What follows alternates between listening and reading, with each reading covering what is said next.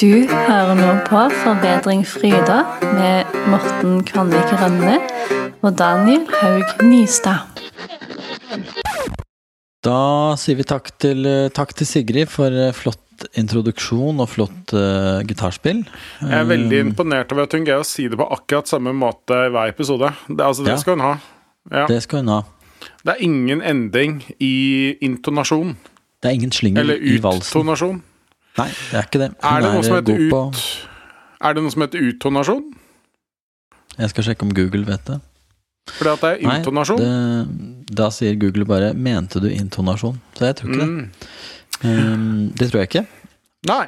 Men det har seg sånn nå. Altså, jeg er godt i gang allerede med denne episoden av podkasten Forbedring fryder. Mm. Som eh, vanlig så er det Morten Kvanvik Rønne og Daniel Haug Nystad som er eh, ditt vertskap, du som hører på. Ja. Og vi, det skal som vanlig handle om at vi eh, Hva skal jeg si? Prøver å bli få ting gjort. Det er vel nesten egentlig mer det det handler om nå. At vi skal jo selvsagt bli bedre, men vi skal eh, i tillegg til å bli bedre prøve å få ting gjort, da. eh, På våre respektive prosjekter. Samtidig som vi skal eh, presentere interessante perspektiver som vi henter fra bøker. Det skal vi gjøre en del av i dag. Eh, Men det er noe strengt tatt eh, sånn, i grove trekk det det handler om. Eller vil du tilføye noe? Eller eventuelt trekke fra noe? Nei, nei, jeg tenker vi skal bli bedre på å få gjennomført. Det henger jo sammen. Og Og da Forbedring Fryder kan jo like mye være en påstand som en podkast. Det er en slags Det- kombinasjon. En en hypotese? på... Fordi- på en påkast. Påkast? En, bland, en Fordi- blanding av påstander på podkast. Vi setter jo liksom en slags eh, Vi har jo sagt i våre liv i hvert fall at uh, vi blir bedre av å få gjort ting. Mm. Eller at vi får til disse tingene, da, disse prosjektene vi har gående, at det, det vil gjøre oss bedre. Da vil vi føle oss bedre. Men det kan jo være bare lureri, da.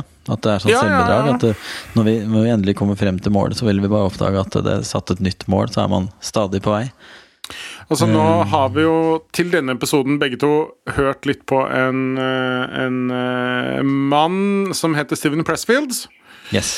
Og noen av de bøkene som han har. Og han påstår jo også deg at man blir bedre av å gjøre det man eh, på en måte har lyst til. Eller at, man, at veldig mange mennesker har et slags sånt han sier vel ett prosjekt, vi tenker vel kanskje at det kan være flere ulike prosjekt, men det å på en måte gjøre den ja, liksom litt det der som er litt over det bare rent hverdagslig, da. Det blir Yes. man bedre, ja. Og motsatt så blir man en veldig dårlig, dårlig versjon av ikke gjøre det. Han har jo noen ganske drøye påstander rundt det. Jeg gleder meg til å Eh. ta de når vi skal gå litt inn i den materien. I det.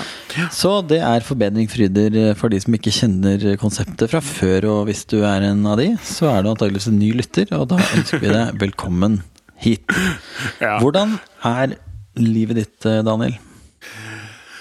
Nei, du, det er, det er litt sånn uh, Nei, det er ikke alltid litt sånn. Det er ikke li- litt liv. Det er litt liv på en gang. Du, det er fint med at det er veldig sommerlig nå. Det syns jeg er kjempedeilig. Det er sol og varmt og grønt. Eh, og så er det noen av de ukene i året hvor jobben tar litt mer plass enn det den vanligvis gjør. Nå har den egentlig ikke tatt så mye tid som jeg hadde trodd, men den tar en del energi. For vi har liksom den store vi har, en av de, ja, vi har den store uka vår, holdt jeg på å si, eller de to store ukene våre disse ukene, så det er litt sånn heftig begeistra på det. Um, men det er jo også kanskje litt en unnskyldning, da. For det kan jo fort være. Uh, man skal jo alltid skylde på ting. Og akkurat nå så Det betyr at det ikke ligger noe i det, men kanskje skylder jeg litt på jobben også. For jeg merker vel at jeg jeg er fortsatt litt sånn i stampe at jeg Nå har jeg på en måte i gang med å gjøre noen litt sånne grand gestures. Ja, jeg vet ikke hva vi skal oversatt det til. Det er jo også Steven Pressfield. Altså litt sånne store markører, kanskje. Ikke så veldig store, men jeg har gjort noen ting som vi kan komme til, som jeg håper gjør at jeg kommer meg litt mer tilbake der hvor jeg var da. Det er liksom ikke helt fornøyd med progresjonen på alt. Det usler og går litt, men det bør usle og gå litt mer, da. Men sånn, det store i det hele så er det god stemning, altså. Det er litt sommer og sol, og ting går litt lette og ja Pandemien er litt sånn på vei til å gli litt over, føler jeg. Jeg får siste vaksine neste uke, så da er jeg helvaksinert. Ja, da kan Så- du dra til Sverige og handle Ja. ting. Skjønte jeg? På Så, så ja, det er litt sånn Det er litt sånn lettende stemning, tror jeg. Men kanskje ikke letta enda. Godt beskrevet. Ja. Hva med deg? Den er bra. Det rusler går eh, her også med prosjekter og mm, min kones eksamensarbeid. Det Ja. preger jo heimen litt at det er Ja. eksamenstid på den fronten. Mm.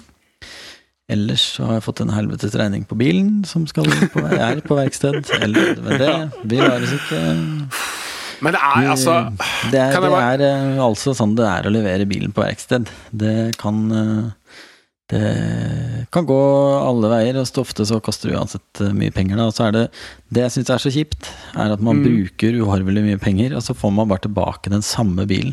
Så vet du jo Jeg, jeg kommer jo til å Jeg kan jo tenke at jo da, jeg har veldig bra dybde Ja. på de dekkene nå. Jeg har utrolig fin olje, unnskyld Ja. olje, og det er Bremseveska er kjempeflott, Mm. men det er veldig vanskelig å Du får ikke noe følelse av at du har fått noen ny bil, selv om du har brukt 20 Selv om kardangen er fantastisk, liksom. Det er den beste kardangen på veiene den dagen. Ja. Men, Men det merker du ikke, så du har bare slu kasta penger ned i et svart hull, og så får du tilbake den samme bilen. men kan jeg bare si det Må altså, det må det- til, da. Jeg må bare stoppe deg litt der, for at det, er, eller, det er en refleksjon jeg hadde med en kompis her om dagen, som jeg tenker at går inn i denne. Det er to ting her i verden som bare koster uforholdsmessig mye penger for hva du føler du får for det. Det ene er jo bil, som vi er inne på. At det er litt sånn Du har bilen på øyekontroll, og så er det liksom Ja, det er én enerfeil. Det er sånn Den eh, bakspeilet ditt, det må du bytte lyspære på. Og så er det sånn Ja, hvor mye koster det? Eh, 17 000. Liksom, det er ikke noe sammenheng mellom hva du gjør og hva du betaler. Og det andre altså, No offence til bilverksted det er, det er jo det jeg vet, det. Det skal tjene penger og alt mulig. Men sånn for kunden, da, som en kunde, så føles det som at det var sånn Det er ikke Ja, men- noen sammenheng. Og det andre, det er utemøbler. Utemøbler Utemøbler? kost- ja, utemøblement koster også sånn u, altså, uforholdsmessig mye penger. For det er sånn Hvis du skal ha en sånn Nei, jeg skal, ha, jeg skal bare ha en helt vanlig, grei stol inne. Jeg skal, ha en, jeg skal ikke ha den, skal ikke være fantastisk. Jeg, tenker, jeg, er sånn, jeg er student, jeg skal ha en enkel ørelappstol. Det er sånn Ja, den får du kanskje for 600 kroner, da. På Jysk eller noe, eller et eller annet sånt sted. Men med en gang den jævla stolen skal stå ute, så er det sånn Bare en sånn, en sånn hvit plastikkskol for Europris koster liksom 2000 kroner bare fordi den skal være ute. Det koster Det er et slags sånn tillegg fordi at det er et utemøbel, som jeg syns er sånn absurd, da. Det er kanskje sant, vi snakka om det faktisk her også, at vi, vi var på Europris og så på sånne salonger og sofagrupper, og, og det virka liksom sånn Jeg vet ikke, det virka ikke lenger som det var Europris, men uh, Nei, Ja. nei, og, ja, for jeg også har tenkt sånn Jeg skal ha det den samme gjelder leiligheten. eh, Ja, så akkurat det samme. Jeg var sånn er som Europris, så koster jo alt liksom sånn Fire bokser med hermetiske ferskener til ti kroner. Og så kommer det sånn Her har du en flott utemøblement i hardplast. Hvit hardplast. 17 000. Det er, sånn, det, er jo, men det er jo ikke noe pent engang. Nei, nei, men det koster 17 000. Du skal jo ha det ute. men, men det var liksom Det var sånn når han verkstemannen ringer, og de har hatt bilen Jeg hadde den jeg. den skulle jo egentlig bare på service. Mm. En omfattende service, for så vidt, men billig en. Tror det var planlagt 4000 kroner eller noe. Og så ringer han, da, liksom, og da vet du liksom Nå kommer dommen. Om, Ja. ja. jeg har hatt bilen din inne på verksted, og Ja, det er jo litt småting. Det er jo, det er jo den eh, Og det er aldri småting. Når de Nei. sier at det er småting, så betyr det Du kan bare kansellere ferien med en gang. Det, Ungene får ikke julegave i år. Det er det det sånn, betyr. Det var jo det der eh, skiltlyset ditt. Det mangla jo. Og så var det skiver og klosser foran, og fjører foran. Det blir 22 000. Ja, ja. Det er liksom sånn Ja. Nei da. Så det går litt det ikke, Jeg er jo da litt der at jeg prøver ikke å la sånt noe prege meg for mye, da. Selv om det føles surt, så er det bare sånn Ja, ja. Ja. Det ordner seg. Penger kommer, og penger går. Ja, Ellers jo... så går det i prosjekt, som jeg sier, og det går i meget, meget, meget meget fint vær. Eh, og um, mye Og grill og bålpanne, og kjøpte masse ved her om dagen. òg. Mm. Mye bålpanne. Så det er bra. Skal vi hoppe litt til eh, prosjektene? Skal du eh, si litt om Skal vi begynne litt med deg, kanskje? Prosjektet Pappaperm Sessions det skrider frem. Det er da for nye lyttere det prosjektet som innebærer at uh, undertegnede etter uh, ja ti år, tror jeg cirka, med å skrive litt musikk og ha det liggende på harddisker og i notatbøker, mm. har bestemt seg for å tenke å prøve å gjøre noe med det. Og så har jeg bestemt meg for at eh, sånn cirka august Jeg sa 15. august sist, det er oppe til revisjon litt, men sånn august-september til uh, tidlig høst, da ønsker jeg å gi ut noen av de låtene som er skrevet. Mm. Mitt prosjekt er jo å få de tingene gjort. Det er det, holder, det jeg holder på med for tiden. Og det går framover. Jeg uh, har jobba veldig mye med den Det som hittil i prosjektet er den mest kompliserte produksjonsmessige låta, med liksom mye instrumenter og flere deler og sånn. Mm. Um, så det går litt, i, litt, inn og ut av YouTube på how to-filmer og sånn. Men det, det går framover. Jeg sendt, jeg har en kollega på jobben som er utdanna Han har bachelorgrad i lydproduksjon. Så jeg har eh, sendt han um, noen av tingene i dag til litt sånn Sånn at han kan komme med et sånn faglig innspill, da. For jeg er jo i utgangspunktet ikke eh, verken eh, studiotekniker eller produsent eller eh, multiinstrumentalist, men mm. samtidig så Hva skal til for altså, Jeg er jo på en måte det også, siden jeg, jeg spiller alle instrumentene sjøl. Så eh, poenget er at jeg liker at han kanskje kan høre, da, høre om det er noe ting som må tas tak i. Så det, det opplevde jeg som en litt sånn nytt og ikke planlagt skritt som jeg tok da på mm. prosjektet. Å få en profesjonell eh, stemme til å høre litt. Selv om, eh, som vi skal komme inn på med Steven Pressfield, så skal man jo ikke måtte la seg helt styre av sånne ting. Eller, så syns jeg likevel det var litt nyttig, da. Så Nei, det går fremover. Og, og, ta imot det òg, da, ser han jo.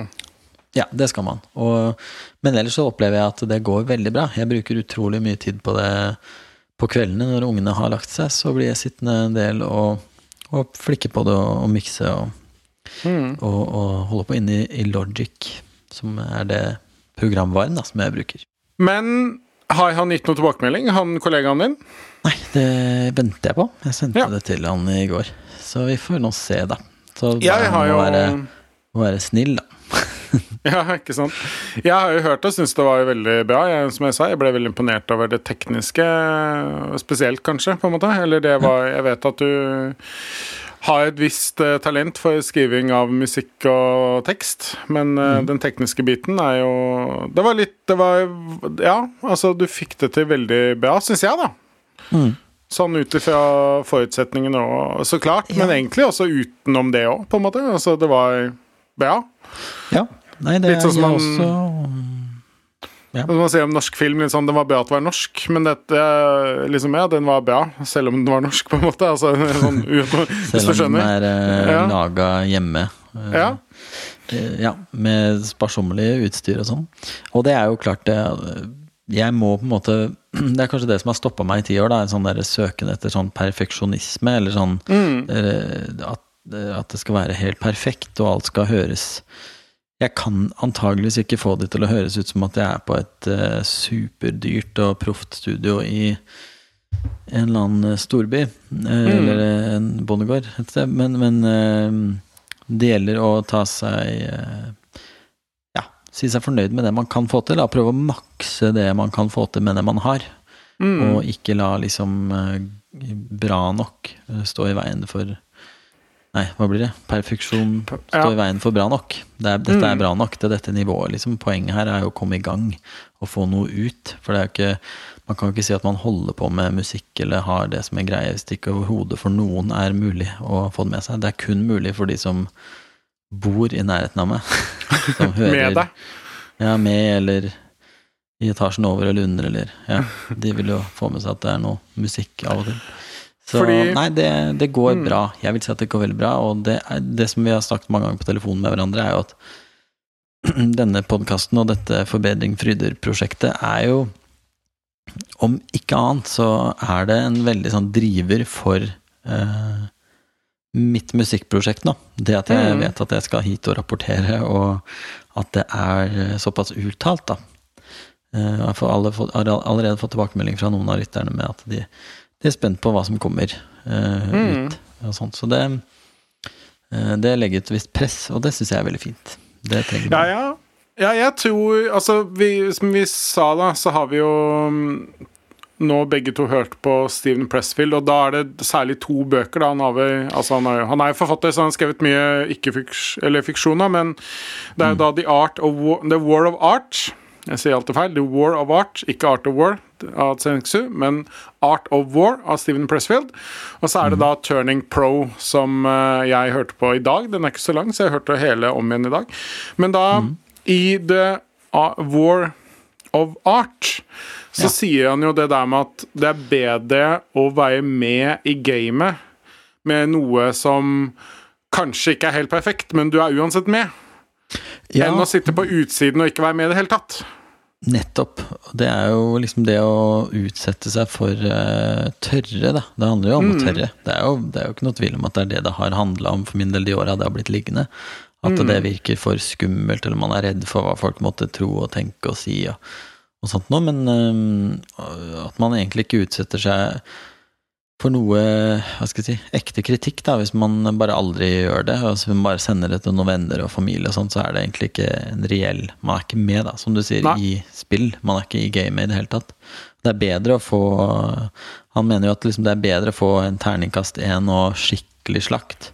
For da har Mm. du fått din første For det, i slakt så ligger det også en anerkjennelse av at du, du fins. Du er noe å slakte. Mm, Ja, Så det liker jeg. Så da er vi jo egentlig litt på vei, eller da, da merker jeg meg at du trekker Pressfield inn i, Ja, i prosjektpraten. Og det er jo en veldig han er, det er jo en veldig inspirerende bok å lese hvis man har en eller annen form for prosjekt Mm. eh, gående. For alle, egentlig. Ja, alle som har noe, tror jeg Jeg tror det kan være veldig mye. Altså de, det fine med de bøkene er at de er ganske åpne, hvis man kan bruke et sånt litt svevende begrep. Så jeg tror egentlig det er litt det samme hva du har gående med, at du har et eller annet du prøver å få til, da, som er igjen er litt utover den vanlige Kanskje få hverdagen til å suse rundt, liksom.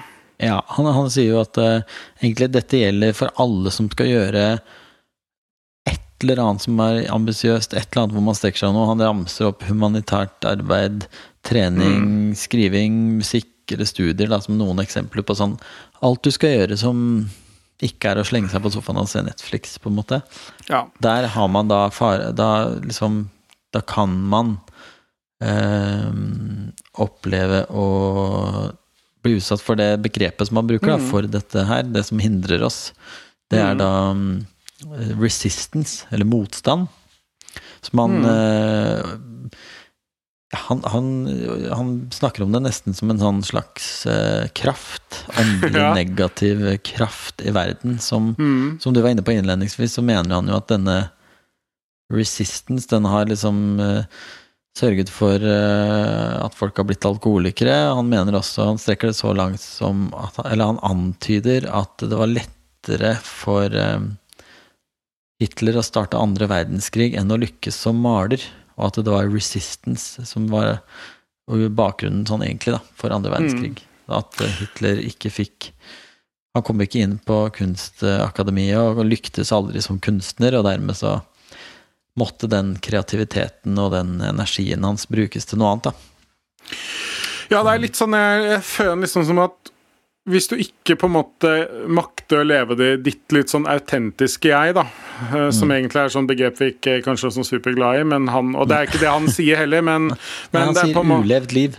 Ulevd liv. At liksom, litt sånn den, den, den mer sånn ekte versjonen, litt mer ærlige versjonen av det selv. Hvis du ikke greier å leve den, så begynner man gjerne å leve en slags sånn skyggeversjon, og man har litt sånne skyggekarrierer, og man, man havner fort i ulike former for misbruk, egentlig. Og det høres veldig sånn svevende og kvasi ut, og til dels er det også noe Kanskje litt svevende over det, men det gir egentlig veldig mening han, når han sier det på sin måte bedre enn det vi får til nå. Så syns jeg faktisk at han Jeg ser at han har noen penger, da. For det, jeg kan kjenne meg igjen i det der med at det er lette å på en måte gjøre Istedenfor å gå på en måte på det man er litt redd for, og tøye og ta tak i ting og utfordre seg på noe som man har lyst til, men som likevel koster, så går man på de enkle løsningene. De enkle løsningene kan ofte være veldig negative, da. At man graver seg ned i andre ting enn det man egentlig ikke tør å ta tak i. Um, og sånn sett så kan jeg på en måte se litt Jeg ser absolutt det poenget, selv om han kanskje dør det noe lenger, men, men han, eh, han, er Ja, jeg tror han er helt riktig Altså, han er inne på noe faktisk veldig veldig grunnleggende menneskelig. da, At Ja, hvis man ikke får brukt energien sin på noe positivt, og noe man ja, tør å på en måte bruke og, og møte noen av de utfordringene, så er det fort gjort å havne i negative ting isteden. At det nesten er litt sånn Da kommer denne motstanden, denne resistansen, og tvinger deg inn i andre, mer negative spor. da. Og han eh, Bare én setning som jeg ikke hadde lagt merke til før jeg hørte boka på nytt i dag, men som jeg syns var han er veldig god på one-liners. Altså han har en del sånne veldig enkle, gode setninger der. Og en av de tingene som han sa i dag, som jeg syns var veldig bra, var 'Soldiers fight scared'. Mm. Og det bare slo meg liksom sånn Når han sa det, så tenkte jeg at det er jo et utrolig godt poeng, selv om man vet at soldater i krig selvsagt er fryktelig edde. De er livedde, bokstavelig talt. Så er det noe med å vite at de er er det, men de kjemper likevel. Ja. Og det er jo egentlig en veldig god metafor for livet. ikke sant? Soldiers fight scared. Man kan ikke stoppe å kjempe selv om man er redd. Det står jo om livet, på en måte. Og han er veldig Ja. Han er jo litt opptatt av det militære, siden han er sånn Han er jo tidligere sånn marine. Ja, han er det. Så han Ja, jeg bare ja. mhm. Jeg syns det er en god eh, påstand. Han snakker jo mye om det at eh, noe av det han lærte i, i, i, i The Marines, da, det var jo at du skal eh, Du skal trives, og du skal ønske ubehag. Du skal være glad i at det er vondt. Eh, Det høres jo litt rart ut, kanskje, men eh, jeg, jeg liker jo veldig godt disse bøkene. Jeg syns den, den innledningen på War of Art, hvor han snakker om dette ulevde livet, da, Mm. som Han skriver iallfall at um, Han sier noe sånt som at la oss være ærlige, hvis, hvis du, du trenger ikke tenke i ett sekund engang før du skjønner hvilket liv jeg mener. Altså at du De Mm. fleste går rundt med Eller det treffer jo for meg veldig, da. At liksom Mm. Med tanke på at jeg Det er veldig åpent, åpent i denne podkasten at den musikkgreia er en sånn ubrukt greie for min del, men han sa at alle som hører den boka, eller alle vil Hvis du spør hvem som helst, du har ett sekund, hva ville du egentlig gjort hvis, du liksom, hvis ting Mm. hadde vært annerledes? Hvordan, hvordan skulle du egentlig brukt livet ditt? Liksom? Og veldig mange som ligger på dødsleiet, har jo ofte veldig mye sånn refleksjoner rundt at jeg skulle jo gjort den, denne greia, eller jeg drømte egentlig om å starte en humanitær organisasjon, eller alle har Han mener at de som De fleste da vil kunne komme på den greia veldig sånn umiddelbart. Og det veldig, veldig Mm. typiske er de som får beskjed om at du har tre måneder igjen å leve. De tar veldig ofte fatt på den type ting som egentlig var det som betød noe, da. Så det er det han på en måte prøver å Mm. appellere til i innledningen der, med det the unlived life, det ubrukte potensialet, liksom. Og samtidig som han jo var Hans drøm var jo å bli forfatter. Eh, og han var jo godt opp i 40-årene før han faktisk fikk det til. Altså Han styra mye og lenge før han fikk det til. Og så var han Skrev han noe litt sånne manus for noen filmprosjekter, og jeg vet ikke om det faktisk ble så mye film av det, men han skrev i hvert fall noen manus til noen filmprosjekter, men det var liksom i 96 da hvor han fikk ut sin første bok, som er for, for så vidt sånn relativt kjent. The Legend of Bagger Wance eh, ble film også, filmatisert også. Så, så mm, ja. Nei, interessant eh, fyr. Men eh, før vi snakker oss altfor langt bort til han, eh, vil du Eller jeg følte at der, der har vi i hvert fall vært litt innom det. Vil du si litt sånn konkret noe om Hvor står det for at du skal ha x antall sanger på en måte ferdig, og så Hva er på en måte de neste Hva bringer de neste ukene fram? Hvor, Nei, det- hva er det står nå, da? Det som, eh, Den ene låta er jo etter min mening ferdig. Den Mm. er jo nå sendt til han som kan noe om det. Og så er jo spørsmålet, hvis han sier at den er, dette må du ikke finne på, dette låter helt forferdelig, så får jeg en liten utfordring med liksom um, Hva gjør jeg da? Jeg, men jeg må nok fortsatt holde på det at jeg skal ikke gå i noe studio. Uh, det er ikke liksom aktuelt. Mm. Ja, det kan Altså, ja. Jeg, jeg kan ikke drive og bruke det, det koster å spille inn et album, da. Det regner man koster mellom 50 til 100 000 kroner. Så det er, Mm. det er liksom ikke noe man gjør uh, på dette nåværende tidspunkt. Da. Så jeg må på en måte slå meg til ro med at ja vel, kanskje han har noen innspill, da, han som kan dette, som nå skal høre på det. Mm. Kanskje det er noen endringer som gjøres, men i utgangspunktet så tenker jeg at den ene er helt ferdig. Den er brukbar, og hører, du hører alle elementene sånn som de skal, og den, den er øh, veldig den er, den er, ferdig. Og så er det den neste låta som er 98% ferdig. Den, den, øh, det skal legges et siste Et endelig vokalspor Mm. på den. Og da må den jo remikses, den må mikses litt. Det må jo tas hensyn til at det kommer en ny vokal. Mm. Men i utgangspunktet så er den, etter min mening, da, og det er jo i dette prosjektet bare min mening som har noe å si. Jeg skulle til å si det, for du sier if, if, etter min mening. Ja. Så hadde jeg lyst til å spørre deg and, hvem andres Ja, mening er det som skal trumfe det? Nei, ikke sant? Det er jo ingen andre. Så Ja. etter min mening så er det en låt som er ferdig, en som er 98 ferdig. Um, og det blir et litt sånn deilig øyeblikk, for da kan jeg liksom Mm. Da lokker jeg det. Um, og da skal jeg ta fatt på å spille inn den tredje, som Mm. da ikke skal være en altså Den som jeg holdt på med nå som er 98% ferdig, den er helt ny. Den ble laget Mm. for en måned siden. Og har vært liksom kontinuerlig. Den ble skrevet umiddelbart, og så starta jeg liksom på produksjonen av den, eller innspillingen av den. Mm. Eh, Så jeg gleder meg litt til å begynne på den tredje, som skal være en En av de som, jeg, som har ligget i ti år. Eh, Når jeg fant den i notatboka, så har jeg datert når jeg skrev den, og det var i Mhm. oktober 2011. Mm. eh, Som begynner å bli Begynner å bli et eh, kvarter siden. Ganske nøyaktig snart ti år siden. Ja. Mm. Så den har jo da jeg spilt på i ti år. Så jeg, jeg gleder meg litt til å begynne på den, da, og begynne på den offisielle innspillingen av den. Mm. For den har jeg liksom Ja. Det- Den har ligget der. Mm, Mm. Den har ligget der lenge. Så, Så det er på innspilling, fordi at nå, sånn som jeg har skjønt det nå, så føler du at det, mye av det tekniske nå, det, det er ikke så Det har du løst, på en måte, på det Ja, nivået nivået du har lyst til å være på nå. Ja, ja, og det er jo det som er så sinnssykt fett med dette, Ja. at jeg føler jeg har lært utrolig mye. Jeg har hatt Mm. denne programvaren og utstyret siden 2013. Mm. Eh, Beklager all den harkinga, altså. Eh, Men det er egentlig ikke før nå, siste året, og i forbindelse med at vi begynte å skulle redigere podkaster, at jeg, føler at jeg begynner å beherske det ganske godt. Ja, Jeg har oppsøkt en del kurs og sånt, noe som jeg har sagt på YouTube. Og, dette er jo, det, det jeg bruker, er jo ikke noe Det er et 100% profesjonelt system. Eh, Mm. eh, så må man jo da kunne bruke det, for det er veldig avansert, og det begynner jeg å avdekke stadig nye nyanser og sånt. Så jeg er mye mindre redd for å spille det inn Altså, det kan jo ha vært en del av grunnen til at jeg har utsatt ting her. At jeg har liksom vært så redd for at eh, det, at ikke jeg får det til. Men jeg er veldig lite bekymra for å ikke få til selve innspillingstekniske ting. Kanskje ikke det er, selvfølgelig er det ikke like proft som en som har holdt på i 40 år, men, men at jeg kan få lyd inn i maskinen og klare å prosessere den og til en viss grad eh, Altså mikse det opp og sånt noe sjøl, det, det begynner jeg å bli ganske trygg på. Ja, for er ikke liksom Jeg tenker litt sånn høyt at målet her må jo være at eh, en person som kommer over denne sangen et eller annet sted, når den er ferdig og ute i verden, Mm. som hører den og syns den er eh, bra, av ulike grunner, som man jo alltid er, da. Hvorfor man syns at noe musikk er bra, det vet man ikke, det bare merker man når man hører det.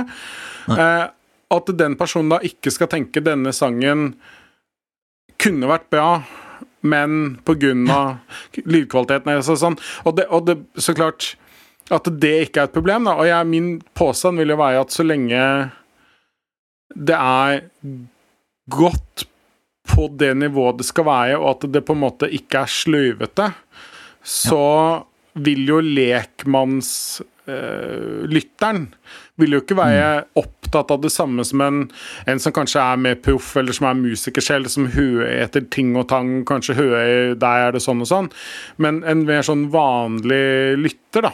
En vanlig musikkliker. At den personen kan høre sangen og bedømme den ut ifra hvorvidt den liker sangen, ikke ut ifra hvilken kvalitet lyden eventuelt måtte ha.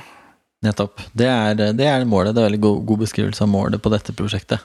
Mm. At uh, låtene må bli presentert, og det skal ikke være noe Selvfølgelig blir ikke kvaliteten som om det er et proffstudio med 14 produsenter og sånn, men det skal være sånn at eh, en konsument, en vanlig konsument av musikk, skal få et inntrykk av låta, kunne gjøre seg opp en mening om den uten at produksjonen forstyrrer med dårlig kvalitet. Så det er jo god eh, oppsummering, egentlig. Så, så det går em, Det er der jeg er, og det gleder meg. Jeg regner jo med da at den 98% ferdige låta blir ferdig i løpet av de nærmeste dagene. og At den eh, Jeg har aldri brukt så mye tid på en, en På en låt. ja, på en sang heller, fordi at jeg Ja, alt på klipping og redigering og Uten at det er så veldig meningsfullt for lytterne, så går det liksom på Når man spiller inn et gitarspor, å, Før så har jeg bare latt hele sporet fra A til Å ligge. Mm. Men nå liksom går jeg inn og klipper liksom veldig, veldig nøyaktig eh, rundt der hver enkelt lyd i den lydfila. da Klipper rundt og fader inn og ut, sånn at det liksom aldri er noe støy og ja. Det, ja dette blir litt teknisk, men uh, den type jobbing da som jeg har lært nå de siste månedene, uh, opplever jeg gjør mye med kvaliteten. Det er de tingene der som løfter opp litt, at du hører at det er litt mer arbeida med enn f.eks. de demoene jeg jobba med i 2013 og 2014 og sånt, som man Når jeg tar fram det i dag, så hører jeg jo at oi, oi, oi, oi. Det, det var eh, Låtene er jo de samme, og de er jo ålreite, de, men eh, teknikken er blitt bedre. Og det er jo bra. Men er det, eh, mm. Tenker du at du nå har kommet til et nivå på det at ved neste låt som du skal begynne fra null på, da, så vil det gå lette og forte fordi at du Ja. ikke trenger å på en måte løse en del av de tingene du nå har lært ved innspillingen Ja. av disse to her, da? Absolutt. Det vil Ja. gå raskere, og jeg har lært noen tekniske Bare sånne Bare dette med at det er en del sånn snarveitaster på tastaturet som gjør ting bare helt sånn Ja, det forandrer veldig mye, da. Det å lære seg noen snarveier, og, og ting går veldig mye raskere. Så det, det tror jeg. Neste, denne her har vært helt elektrisk eh, på gitarfronten. Så det neste er jo mm, 90% akustisk, så det er jo en litt annen utfordring i forhold til mikrofon Bruke mikrofoner til å plukke opp organisk lyd fra gitaren og sånn. Eh, Men det også har jeg etter hvert ervervet meg en del eh, kunnskap om, da.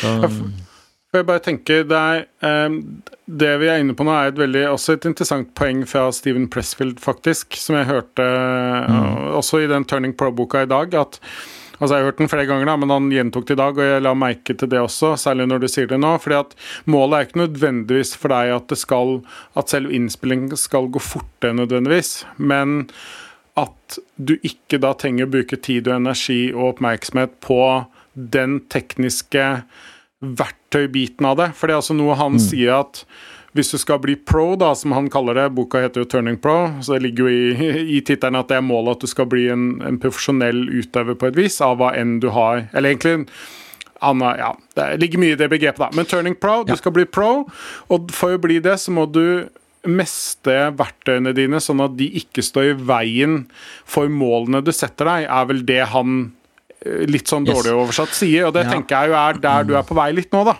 Det er det, og, og han sier at uh, du skal master the technique, uh, mm. sånn at Han er jo litt åndelig, altså. Når denne musen, når den åndelige liksom gudsendte inspirasjonen kommer, så skal ikke det tekniske stå i veien for at du klarer å gjøre det. Han tegner et veldig fint bilde av denne musen, syns jeg, når han eh, han tegner opp det bildet av eh, Mozart som sitter ved pianoet eller ved flygelet når han er liten, og at musen sitter ved siden av han og hvisker noter inni øret hans. da. Og at det var akkurat han som var klar til å ta det imot. Det handla om hans forberedelser og hans eh, tekniske og hans talent. Mm. fordi han mener at liksom de notene som det åndelige hvisket i øret til Mozart, de, de notene og sammensetningen av de er svever rundt i det uendelige, da, eh, på en eller annen måte der, og det gjelder bare å være eh, Invitere det inn, på en måte, og gjøre det klart for at det skal hviskes inn i øret ditt, eller at det skal komme noe inspirasjon inn. Det er klart at dette nærmer seg jo litt sånn eh, åndenes makt, men jeg liker Jeg må si at jeg liker det. Jeg, når det gjelder den stedet jeg sitter og jobber på nå, Ja. eh, han er opptatt av orden. Han, altså, ja, kan vi bare ta en liten runde på det? Altså, han, Ja, ja, han skiller jo da med ikke sant? Steven Pressfield han skiller på amatører og profesjonelle. Altså Mm. Det er når du blir turning pro. Da tar du liksom det steget da, da For eksempel så sier han at uh, profesjonelle er opptatt av orden. Mm. Orden og struktur. En amatør for eksempel vil uh, ikke være det, men være en mer sånn derre f.eks. Uh, vente på inspirasjon, da. At liksom Nei, jeg har ikke skrevet noe i det siste, for jeg, jeg venter på inspirasjon. Det er en sånn mm. type holdning han mener at man ikke kan ha. En profesjonell mm. vet at uh, du må på en måte gjøre et arbeid, du må legge til rette for at denne musen skal kunne komme til deg da. Og hvis ikke du gjør det, og bare går rundt og venter og soser rundt og Han sier at det er jo veldig mange musikere som lever liksom um, The drug roll. and booze half, er det ikke drug, det han kaller det? Ja, the drug mm. and booze half of rock and mm. roll. Mm. Altså de drikker og fester og holder på, liksom, mens uh, jobbbiten ikke eh, satser noe på. Da. Så det, han skiller mellom amatør og profesjonell, og at det er en del ting som eh, preger den profesjonelle. Da. Dermed så det har jeg latt meg inspirere av. Så den plassen jeg sitter og jobber på, er eh, Og det gjelder jo for så vidt på jobben òg, men, mm. men, i denne sammenhengen også.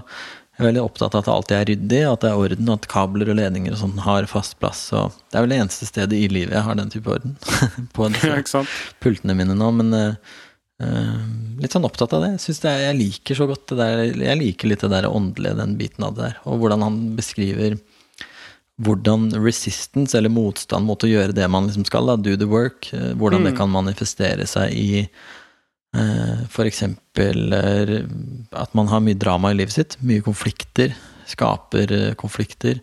Mm. Self-dramatization, sier han, at man lager et oppstyr av seg sjøl og sine eh, Det kan være og det kan være det å ha en offerrolle, det kan være at man stadig skaper trøbbel. Han snakker om kriminelle. Mm. Han mener at resistance er årsaken til mye kriminalitet.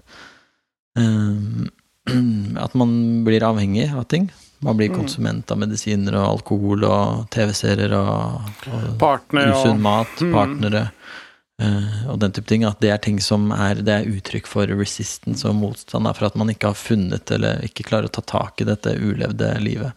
Mm. Jeg, jeg, jeg, må si at jeg blir litt sånn fanboy. jeg liker veldig, veldig godt. Og så liker jeg at han er en også i likhet med han Brian Tracy, som vi har vært litt innom, så er dette også en mm. ganske gammel mann etter hvert. Ja, 77. Eh, jeg synes ja. Vi, le vi, lever i en kultur hvor uh, unge mennesker mm.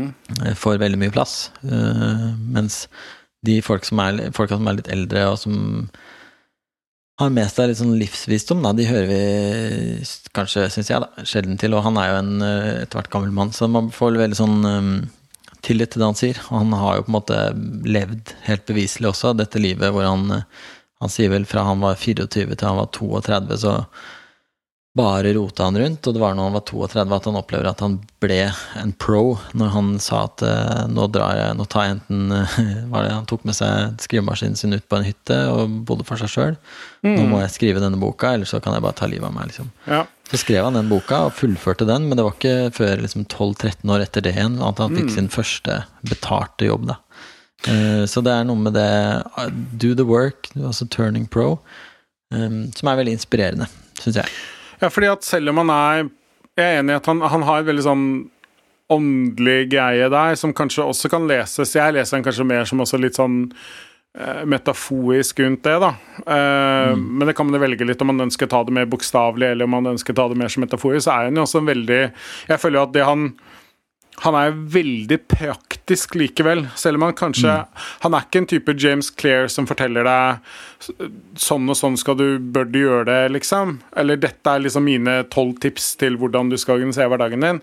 Han er mye mer sånn han lar det være litt åpent, men han er veldig tydelig på likevel hva som skal være viktig. Sånn som, du skal ha orden, du skal gjøre jobben, du skal ikke vente på inspirasjon, du skal sette deg ned. Du skal ja. faktisk bruke tid på å kunne teknikken for det du skal. Du, kunne, du, skal bruke tid på det. Han er også veldig sånn opptatt av at du må huske at hvis du skal få til dette, så er det veldig mange ting du skal og må forsake. Det er ikke for alle, liksom.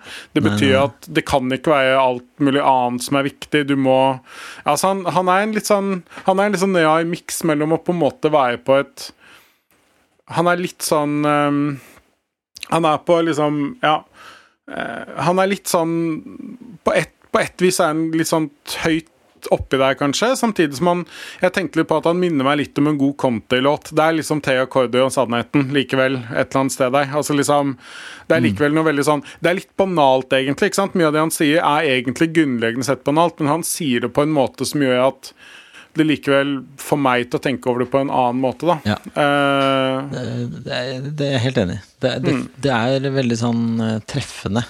Ja. Når han f.eks. beskriver noen ting som, som eh, Det som er tegn på at man er amatør, da, mm, og ikke profesjonell, det er at man overidentifiserer seg med det prosjektet eller ambisjonen sin. Og dermed så blir man jo ekstremt sensitiv for kritikk eller feil man gjør. Sånn at man liksom Det er da folk som 'jeg er forfatter, jeg er kunstmaler', eller de er den greia si. Dermed har de heller ingen selvironi eller humor på det. nei. Han mener at det er et veldig godt tegn på profesjonalitet, at du klarer å ha en sånn avstand til det du gjør. Da. At uh, du, du kan le av det, og du kan tulle om det, og du kan si høyt at uh, Fy søren, jeg strever med den trilogien jeg driver og jobber med. Ah, det er et helvete, liksom. Og tørre å være åpen om det. Og det er jo åpenbart en, eh, en del av det vi holder på med her nå, er jo å ta steget ut, ut i det. Og liksom Absolutt.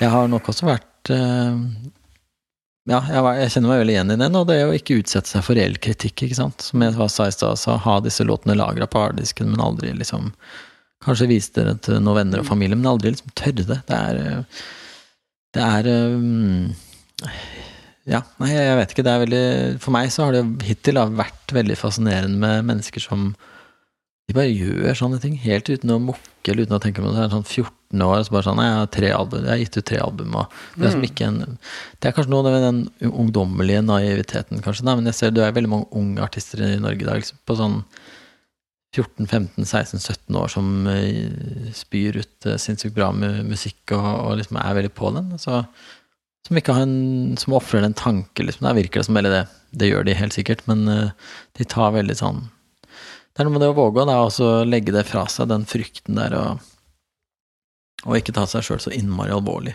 Liksom tørre at det, Man må jo innse, både med alle sånne type ting man driver med, at det vil være De aller, aller fleste vil ikke like det. altså de aller 99 vil eh, ikke ha hørt noe om det, og 90 90% av de som hører det, kan være de ikke liker det. Mm. Ja, altså, Så det, det, det, å venne seg til det. Altså han, Da er vi inne på et annet kanskje blir sånn siste poeng før vi går litt videre, men han snakker jo om Uh, og det er veldig menneskelig at man har lyst til å være i dette fellesskapet. At man liksom, man, Det man frykter, er jo at man skal på en Ja. måte date seg ut og bli støtt ut av fellesskapet. Eh, ofte på amerikansk bruker de jo begrepet tribe, ikke sant? altså stammen. Du blir støtt ut av stammen fordi at du på en måte har datet deg ut, eller du har skjemt deg bort, liksom. Um, og så er jo hans poeng nettopp det som du er inne på, at liksom, men det fins egentlig ikke noe fellesskap på den måten. eller sånn, Det fins ikke noe stamme, fordi at folk, folk går og er opptatt med sine ting. De dater egentlig hva du holder på med. Eh, de, de, de, liksom, Som du sier at 99 vil kanskje ikke like det. Nei, 99 får det, altså, de får det ikke med seg. ikke sant? Altså, sånn, det, og dermed så er det jo ikke så farlig heller. Og de som får det med seg og liker det, det er jo det som er poenget. Ikke sant? Ja, ja, det er de, altså at andre ikke får det med seg eller ikke liker det, er jo egentlig helt irrelevant. Sånn er det jo. Vi går gjennom livet. Og det ser jeg nå, vi er jo akkurat sånn. Vi, er, vi også er jo konsumenter. Vi går jo får med oss halvveis noe, vi hører kanskje et eller annet. Nei, det ga oss ikke noe, så derfor så hører vi ikke noe mer på det. Nei, det var kult. Da fortsetter man liksom å, å like det, gjøre det, kjøpe det produktet, eller whatever, liksom. Så ja, det er jo det, da. Og Ja, bare det- greie å komme seg over det stadiet. At det, hva andre syns er så viktig. At man bare glemmer at det Ja, ja. Andre er på en måte ikke en del av den ligninga, på en måte. På den måten, i hvert fall. Triben eksisterer ikke, egentlig, liksom. Nei. Det er både han og andre som bruker det uttrykket med at liksom man, man eh, lever liv for å tjene nok penger til å kjøpe ting man ikke trenger, for å imponere folk man eh, ikke kjenner og ikke liker.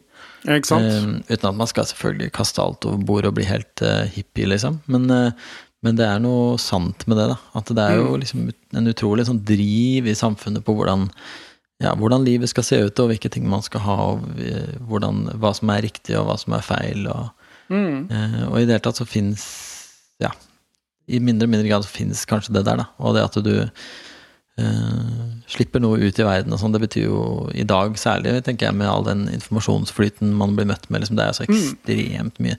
Bare i dag så leste jeg at liksom han, han som drepte en dame på Frogner for noen uker tilbake, erkjente straffskyld. Når jeg leste en sånn, han erkjenner straffskyld for Frogner-drapet, så var det sånn Ja, Det, det hadde jeg helt glemt allerede.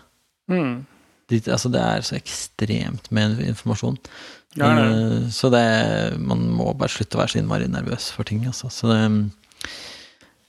det er iallfall, så syns jeg Steven Pressfield er en sånn skattkiste for de som eh, kjenner seg igjen i det vi prater om, og, og har utrolig mye bra. Mm. den, jeg liker så godt alt det han snakker om, sånn som du var inne på, shadow careers. At vi har ofte en karriere som er en slags metafor for det vi egentlig skal drive med og sånn.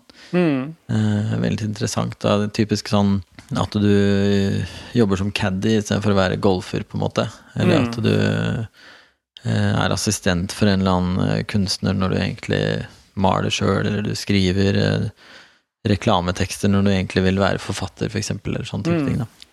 At ha, Ja. man ubevisst går inn i sånne metaforer for det som er egentlig det ulevde livet inni. Så det, jeg vil vel rett og slett anbefale disse bøkene, altså, for de Ja. som Turning Pro er jo veldig liten nå. Den er jo på Audible med 1,25 som jeg hører på i speed, så er den jo under to timer. Så det er jo Ja, ja. nesten med en slags et lite foredrag. En, eh, og noen, ja. er noen flere kapitlene er vel sånn to setninger. Ja, ja. ja. Det er Veldig sånn sånn derre Short kort and og sharp. konsist, liksom. Ja. Uh, og det samme er det er flere bøker også. Det begynner med The War of Art, som kom ut for ganske Mm. lenge siden for første gang, sånn 90-tallet, tror jeg. Eh, og så kommer Turning Pro, og så er det noe som heter Do the Work. Og så er det The Artist's Journey. Mm. Um, så Jeg har det- ikke hørt det de er to da- siste, må jeg innrømme. De Men de også er veldig sånn korte og små, liksom. Så vel verdt å sjekke ut, altså. Ja. Skal vi hoppe litt til meg, da? Ja, da er det din tur. Så får vi se om vi klarer oss å smette noe Pressfield inn i ditt år. Ja da, nå har vi vært mye innom men, eh, men eh, Og mye av det jeg sa rundt deg nå, gjelder jo holdt på å si, Det er jo ting jeg har tenkt for min egen del òg. Men jeg kan jo si eh, at mitt, mitt prosjekt nå i denne omgang er jo da å så få laget det jeg har kalt en funksjonspod, som er et er litt det det høres ut som. Altså målet da ha en, ha en, en podkast med en slags sånn hørespill, da. Eh, Med en fortelling, hvor man også bruker litt sånne lydelementer. Så eh, hvis, eh, hvis noen har hørt Skjolde Siman og Jon Espe, eller Homecoming, som er en sånn annen eh, Det jeg ville kalt fiksjonspod, så er det noen av de som har inspirert meg litt, da. Eh, Så da Hva må man jo Ja. Hva er ståa i fiksjonspodverden? Har den Nei. fått et navn, eller? Ja, den har, den har jo hatt litt arbeidstitler. Nå har den fått en ny arbeidstittel, som er Stien. Stien. Eh, som jeg syns passa veldig bra. Så det kan veldig fort ende opp med at det blir hele tittelen, eller jeg vet ikke, Kanskje heter det tittel, eller liksom navn heter det kanskje. Navnet på denne fiksjonspodden. Ja. ja fortellingspodden. For, ja, historiepodden. Ja. Men eh, ståa er at det er vel ja, under halvveis, men ikke så langt under halvveis ferdig med Eller én side, en tredjedel cirka. Ferdig med manus på første episode. Eh, det er litt sånn Kunne ønske at det hadde kommet noe lenger, men til gjengjeld så føler jeg at det har blitt en god start, og at jeg har greid å sette noe, i hvert fall, av den stemningen som jeg ville ha, og at jeg har fått greid å etablere noen av de elementene Eller jeg, jeg egentlig greid å etablere de elementene jeg hadde ønska å etablere, da. Som på en måte skal være med å drive historien og fortellingen videre. Jeg har jo lest noe av det. Ja, du har jo lest Altså, du har lest alt som per nå fins. Å ja, ja, ja, ja. Den innledende delen. Jeg syns det var eh, veldig bra. Jeg ble veldig sånn plassert Jeg husker jeg ble veldig sånn plassert inn i den situasjonen Ja. eh, som eh, dette åpnet med, iallfall. Og jeg vet jo også litt av hvordan resten av plottet skal eh, utvikle seg, så jeg kunne jo liksom se begynnelsen eh, veldig tydelig. Så det, det blir veldig gøy å følge med på videre. Det var jo litt morsomt, for at jeg var jo Dette stedet, den åpne, det er jo da på en sti, kan jeg si. Eh, og jeg var jo overbevist om at dette var et sted jeg hadde gått her i Sarpsborg hvor jeg bor, da. Eh, og Som jeg da fortalte deg og beskrev litt hvor jeg var, og at jeg tenkte at der kan det godt eksistere. Det er er der den skal begynne. Og så har du lest det og var overbevist om at du visste hvor det var. Og så har Ja, jeg innsett at Ja, litt fordi du hadde jo, du hadde beskrevet sånn cirka hvor det var, og da hadde jeg Ja. også klart å danne et bilde at det var der. Ja, ja. Og så viser det seg at det er jo ikke, faktisk ikke et sted i det hele tatt. Det er bare noe jeg har greid å koke opp i min egen fantasi. Og du til og med begynte å argumentere litt imot. Sånn nei, nei, det er jo bak deg, ja, liksom. Så det var litt morsomt at Altså, jeg, mens vi er der, mens du prater, så skal jeg gå på Google Maps og prøve å zoome meg inn på Ja. der jeg mener dette stedet, eller denne fortellingen begynner, er. da Ja, nei, så det viser i hvert fall at eh, jeg tror jeg har fått til noe med det, da. Så får vi se. Men det neste Det andre som jeg har gjort, er å Det er to ting jeg sa sist som jeg måtte finne litt ut av. Det ene var hvilken tidsform Mm. eh, den skal foregå i, og jeg har funnet ut at den må foregå i en pesens form. Jeg vet ikke om det er sånn Det er vel ikke en helt Kanskje sånn 100 det i en pesens, men det blir en litt mer sånn direkte uh, ja, noe, noe nærme deg i hvert fall, in Pesens. Um, og så uh, har jeg, skal jeg også finne ut av hvor mye hvor lang tid det tar å lese en del av det. Altså hvor langt mange ord må jeg ha på en 45 minutters episode.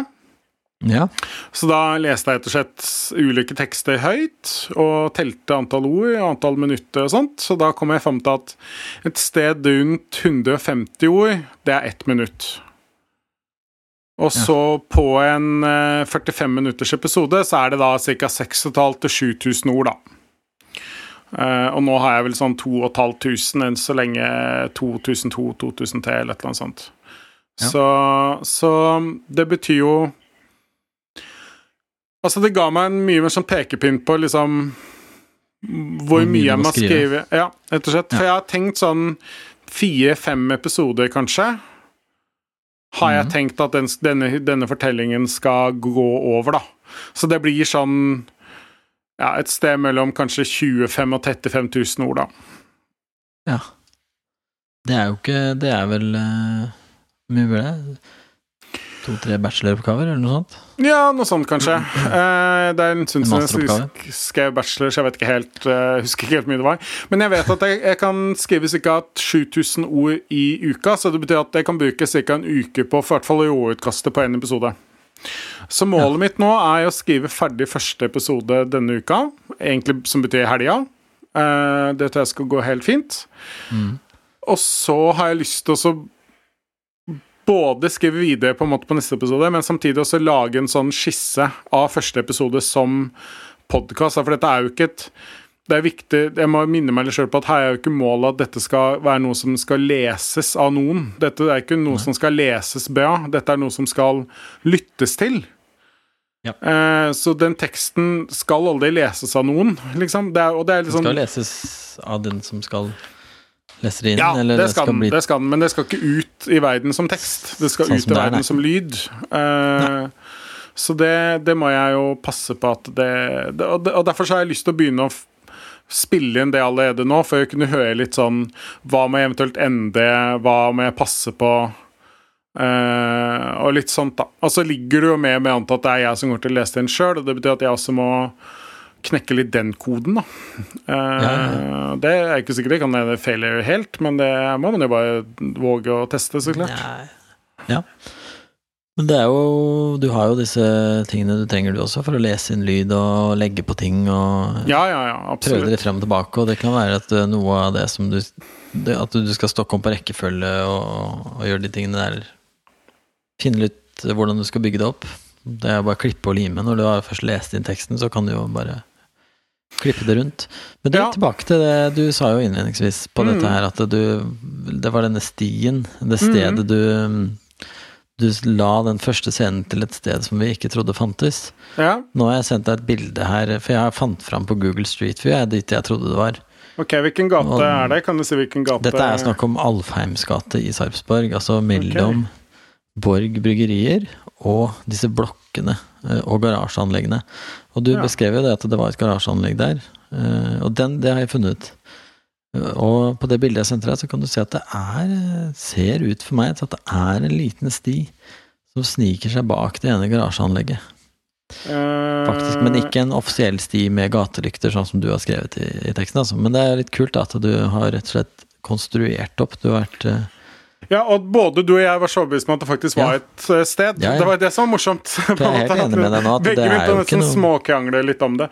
Nei, det er, ja, ja jeg skjønner hva du noe- mener. Det er ikke en Jeg er helt enig, det er ikke en sti Ja. sånn som jeg og du så det for oss. Det er en eh, vei. Jeg vet, jeg har gått det er ikke så lenge siden jeg har gitt akkurat der, for det var et av de stedene jeg gikk for. å leite etter det, den stien i mitt, uh, mitt bilde av den, men uh, der ser du et problem at der har de jernbanen, og det er ikke egentlig en, en sti på den måten, da.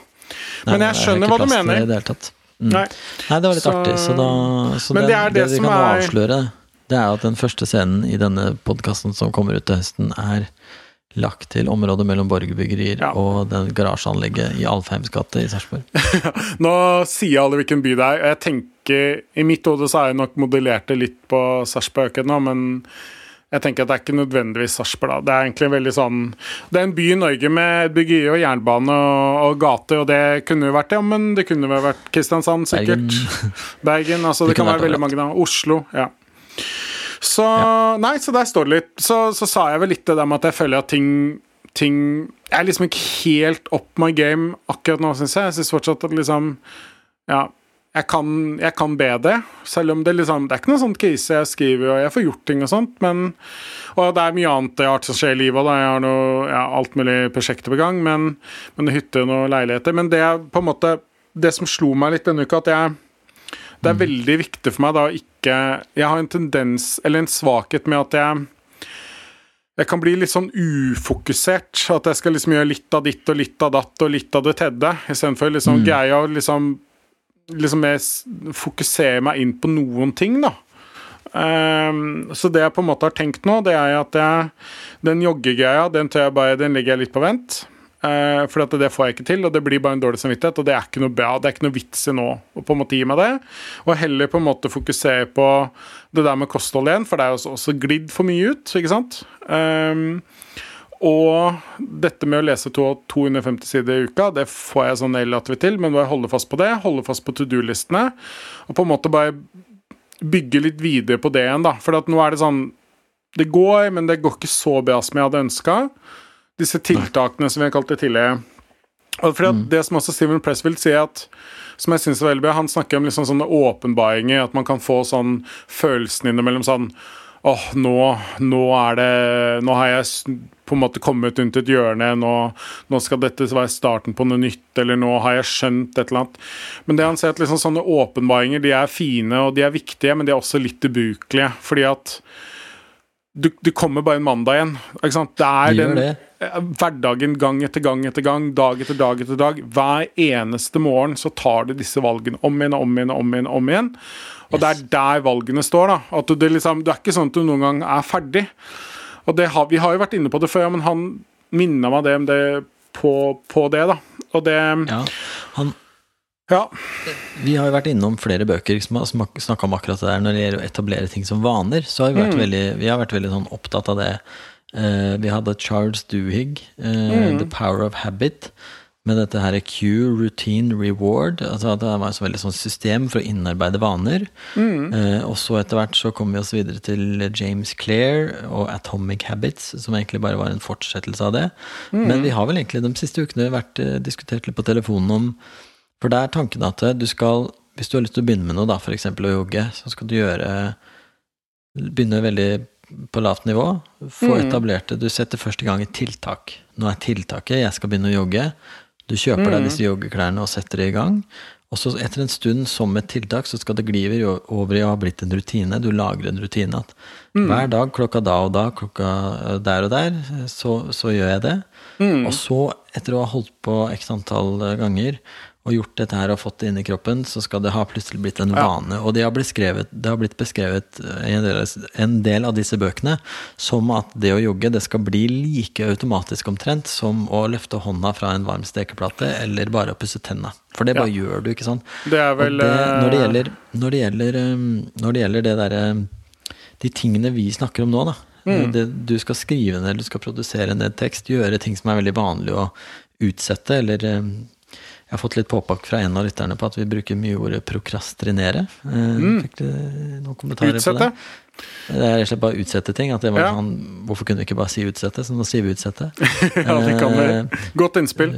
Eh, Ikke sant? At um, um, Og når, vi, når, vi, når det er snakk om å gjøre sånne ting, da, at du skal sette deg ned og gjøre et arbeid, skrive noe, for min del Mm. sitte og gjøre et musikkregne Det kommer aldri til å bli like automatisk som å pusse tenna. Mm. Eller ta løfte hånda fra en eh, varm plate. For det, det er ikke sånn det funker, og det syns jeg Pressfield, som du sier da, er veldig tydelig inne på at eh, en profesjonell, altså en amatør, kan lede seg hen til å tro at dette går av seg sjøl. At eh, jeg er nå i siget, jeg er i flyten, dette går helt av seg sjøl. Mens en profesjonell vet at resistance kommer og tar deg hver dag. Ja, Den står klar til å sluke deg rått hver eneste dag, og du er nødt til å bestemme deg for å ta den kampen hver eneste dag. Og så må du selvfølgelig gjøre en, gre del grep i livet for å prøve å gjøre det enklest mulig. selvfølgelig. Men jeg syns jo det er liksom Det gjelder sikkert ikke alle vaner. altså Tanntråd, begynne å bruke tanntråd er sikkert lettere å koble til å gjøre det like automatisk som å pusse tenna, men når det gjelder dette, å få til en del litt sånn større prosjekter, de som skal starte Nei, vet du hva, jeg skal starte en ny bedrift, jeg skal starte en butikk, jeg skal starte en veldedig organisasjon. Det er ikke sånn at eh, du på noe som helst tidspunkt får det til å bli en helt automatisk vane. Det er klart at det å drive en veldedig organisasjon, det innebærer en del oppgaver som du kan få til å gjøre som en vane. Altså du kan gjøre noen, selvfølgelig bygge vaner rundt livet ditt.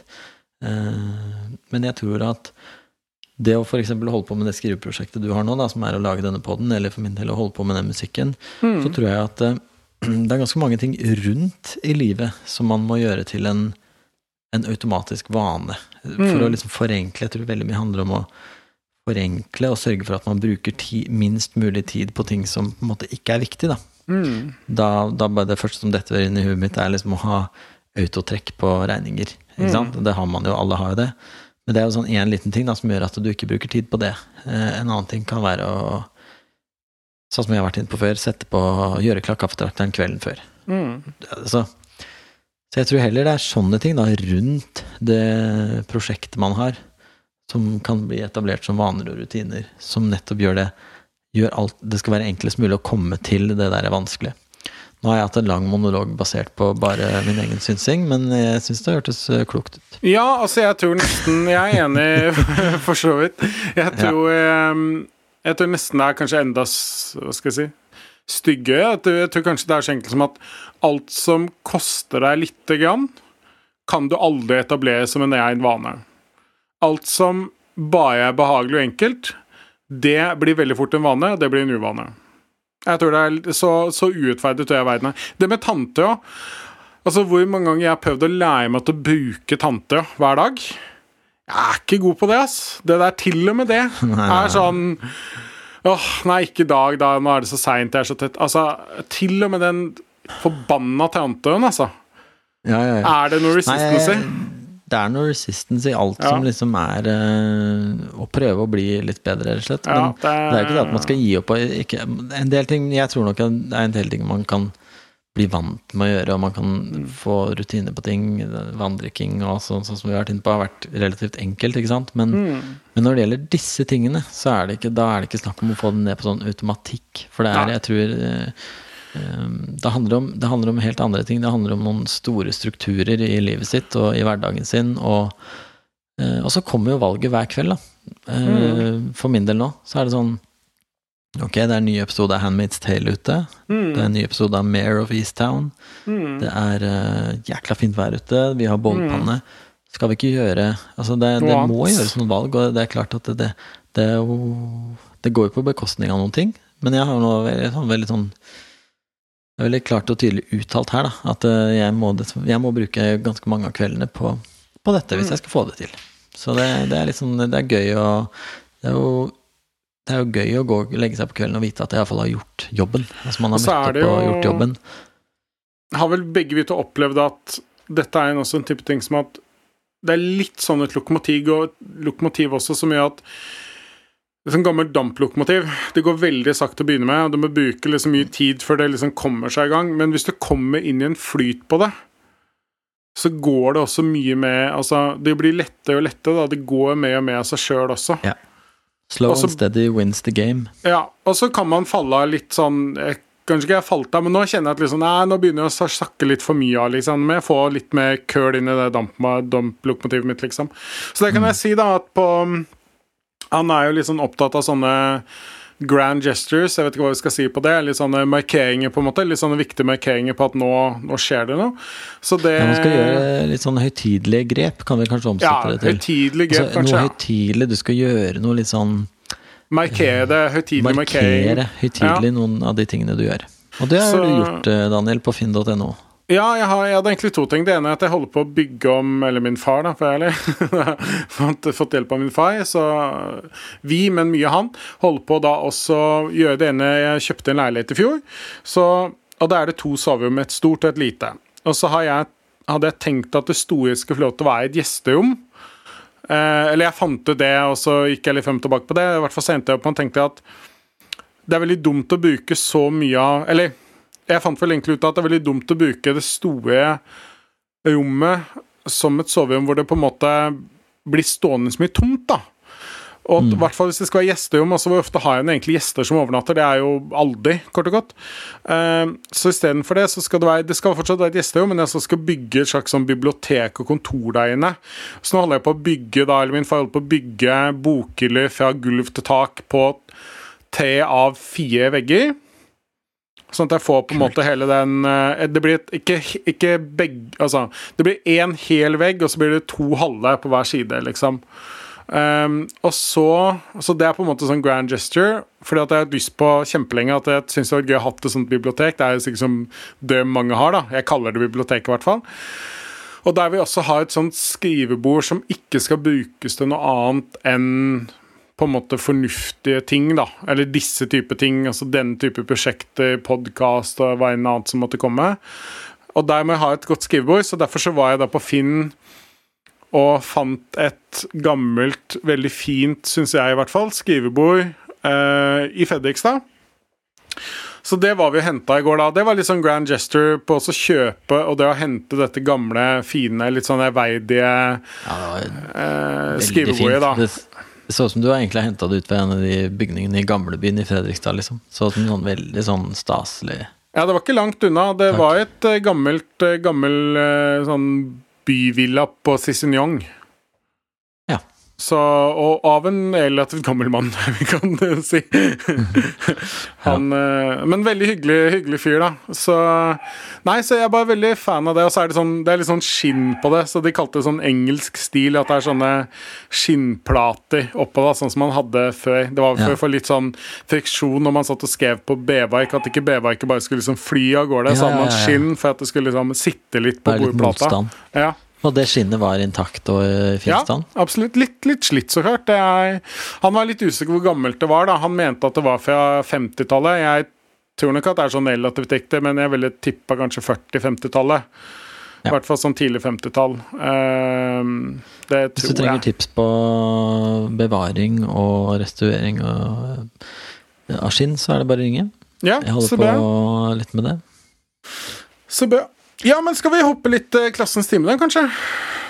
Det kan vi godt gjøre. Jeg syns vi har vært innom mye. Vi har tatt Mm. fram eh, det vi skulle med Steven Pressfield. Og tiden er inne for eh, klassens time. Og du må jo da bestille eh, musikalsk tema for jingeren. Hva tenker du deg, Kunne du tenke deg i dag? Ja, nå har jeg hørt litt på Kings and Convenience i siste, siden de har kommet med en ny plate, så jeg tenkte litt sånn bossa nova-inspirert. Du skal få såpass bossa nova. Jeg vil jo gå så langt og si som at Kings of Convenience var grunnen, mye av grunnen til at jeg begynte å spille gitar. Ja. Eh, faktisk, i sin tid.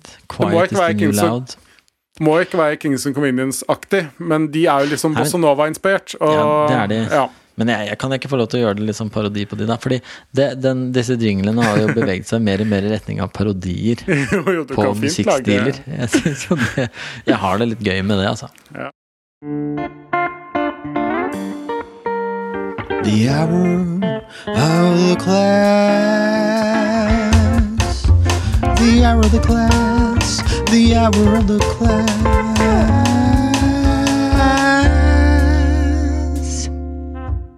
Hva har du med deg til klassens time i dag, da? Kul eh, låt, eh, antar jeg. Eh, jeg har ikke med en kul låt. Jeg har med Denne gangen har jeg ikke noe sånn tips eller noe sånt på den måten. Jeg bare jeg føler liksom at jeg kan liksom ikke si det hver gang heller. Jeg må komme på litt andre ting og si sånn at jeg har lest en bok eller hørt en pod eller et eller annet sånt. Så det jeg ville si denne gangen, var rett og slett bare det jeg begynte litt med i stad, at det er jo så utrolig fint nå, og det er det er litt sånn, Dette er en sånn type tidlig vår, eller tidlig sommer, hvor du merker at våren har vært våt og litt sånn kald på Østlandet. Og så har den plutselig bare noen skudd på varmen, som gjør at det blir så sinnssykt gønt. Det er sånn det er liksom Naturen er bare litt sånn i ekstase, liksom. Det er utrolig gønt overalt. Eh, og veldig mye fugler og dyreliv. Så jeg har vært litt sånn Til jeg har funnet fram den gamle speideren i meg. Har sett så flaggspett i går. Jeg har til og med sett svartspett. Jeg har en kompis var ute og gikk tur, så så vi flagg, nei, svartspett, og det ser man jo aldri. Jeg har sett hoggorm. Og jeg har sett så mye sånn Ok, kanskje ikke veldig, veldig eksotiske dyr, da. Svartspetten er litt spesielt, da. Det er ikke så ofte man ser. Men eh, Nei, bare litt sånn slett Det er godt å bare slett nyte litt denne tidlig sommernaturen og dette litt sånn bananas dyreliv overalt. da. Vi har jo fuglekasse med blåmeis her ute. og veldig sånn, Det var sånn drama om dagen, for da kom skjæra. Og skjæene er, jo Fuglens hjørne? eh, Nye, den det nye det er rett og slett fuglens, fuglens hjørne. Fuglehjørnet. Altså, jeg Ja. satt og så på lille småfuglen. Uh, nei, og da kom skjæra, ikke sant? Og skjæra er jo egentlig en ganske sånn kjip fugl, på et vis. I I den grad naturen er kjip, da. Den, den er jo bare følger jo sin egen lov. Men skjæene er jo glad i å faktisk også spise fugleunger. Heldigvis fikk til, da. For blåmeisen sin del, i hvert fall. Så det var litt sånn eh, Nei, ja, rett og slett. Jeg tror jeg har eh, f- satt ekstra stort pris på den naturen denne våren, altså. Eller sommeren. Tidlig, Ja, tidlig sommer. rett og slett. Så det var min oppfordring. Gå ut og se litt etter litt fugler og sånt. For det er jo Det var din Ja. Det var min bruk eh, naturen. Bruk naturen, ja. Bruk naturen. Se på den. Kjenn Lukt på den. Smak på den. Ta en Altså, du har jo neve. eh, gått for en litt sånn Du ser jo stilen sånn kles... Eller hårmessig. Jeg ser jo ut som en som er mye ute i naturen. Altså, jeg er jo en flanellskjorte unna gal mann i skauen. Ja, du er ikke så langt unna, Nå kan jeg, jeg kan jo like gjerne bare kjøpe meg hytte og begynne å skrive på manifestet mitt. Du har jo hytte. Har ikke du arva en hytte i Drammensmarka? Hvis jeg nå tar på meg Og flanell ah, og setter meg der, da Vet du hva, der står, Jeg har sett bildet, og der står det en gammel, råtten campingvogn Det ute gjør også. det. det, Og det. det er så skrekkfilmscenario at du bor oppi den hytta og har en hagle og sånne høye gummistøvler og flanellskjorte og liksom det der skjegget og hele den stilen. Du ser jo ut som en sånn gal forfattertype som eh, har morderiske hensikt, hensikter. Det, er, det er neste fiksjonspodden. Campingvogna. Der har, vi den. Hva med deg, da? Hva har du med til klassen i dag? Du, jeg har vært litt i tvil, og nå hørte jeg at du helst ikke ville ha med sånne ting du bare har hørt eller sett, eller mm. noe så enkelt, men jeg, jeg, tror jeg, kommer, jeg tror ikke jeg kommer utenom det i dag. Nei, nei, jeg sa ikke at jeg ikke ville ha det. Jeg bare sa at Så jeg skal prøve å mix it up a bit. Eh, jeg tror jeg er nødt, til å vise frem eh, en fyr som heter Ole Kirkeng. Mm, ja. En musiker som har eh, mye bra musikk, han, eller, men det er én låt som jeg bare Den går ikke eh, Du har den på liksom hjernen? den er- går liksom ikke vekk. Den heter Rocking Chair. Mm. Veldig fin låt. Ja. Hva slags type musikk er det? Nei, jeg, hva skal jeg si, det er veldig sånn singer-songwriter, akkurat den sangen der, da. Eh, Men det høres liksom ut som den kunne vært skrevet på 60-70-tallet. Veldig, veldig Mm. fin. Han har sånn veldig sånn fløyelsmyk eh, stemme, syns jeg. Kult. Så um, ja, det er en anbefaling, rett og slett. Å finne den både på YouTube eller på Spotify. Eh, veldig, veldig fin. Du sendte den meg, men jeg har ikke fått hørt den ennå. Den er veldig bra. Så det er vel egentlig det jeg hadde med. Ja. Så bra. kateter. Men så bra. Da høres det ut som vi har gått inn for landing. Det gjør det. Hva skal du nå?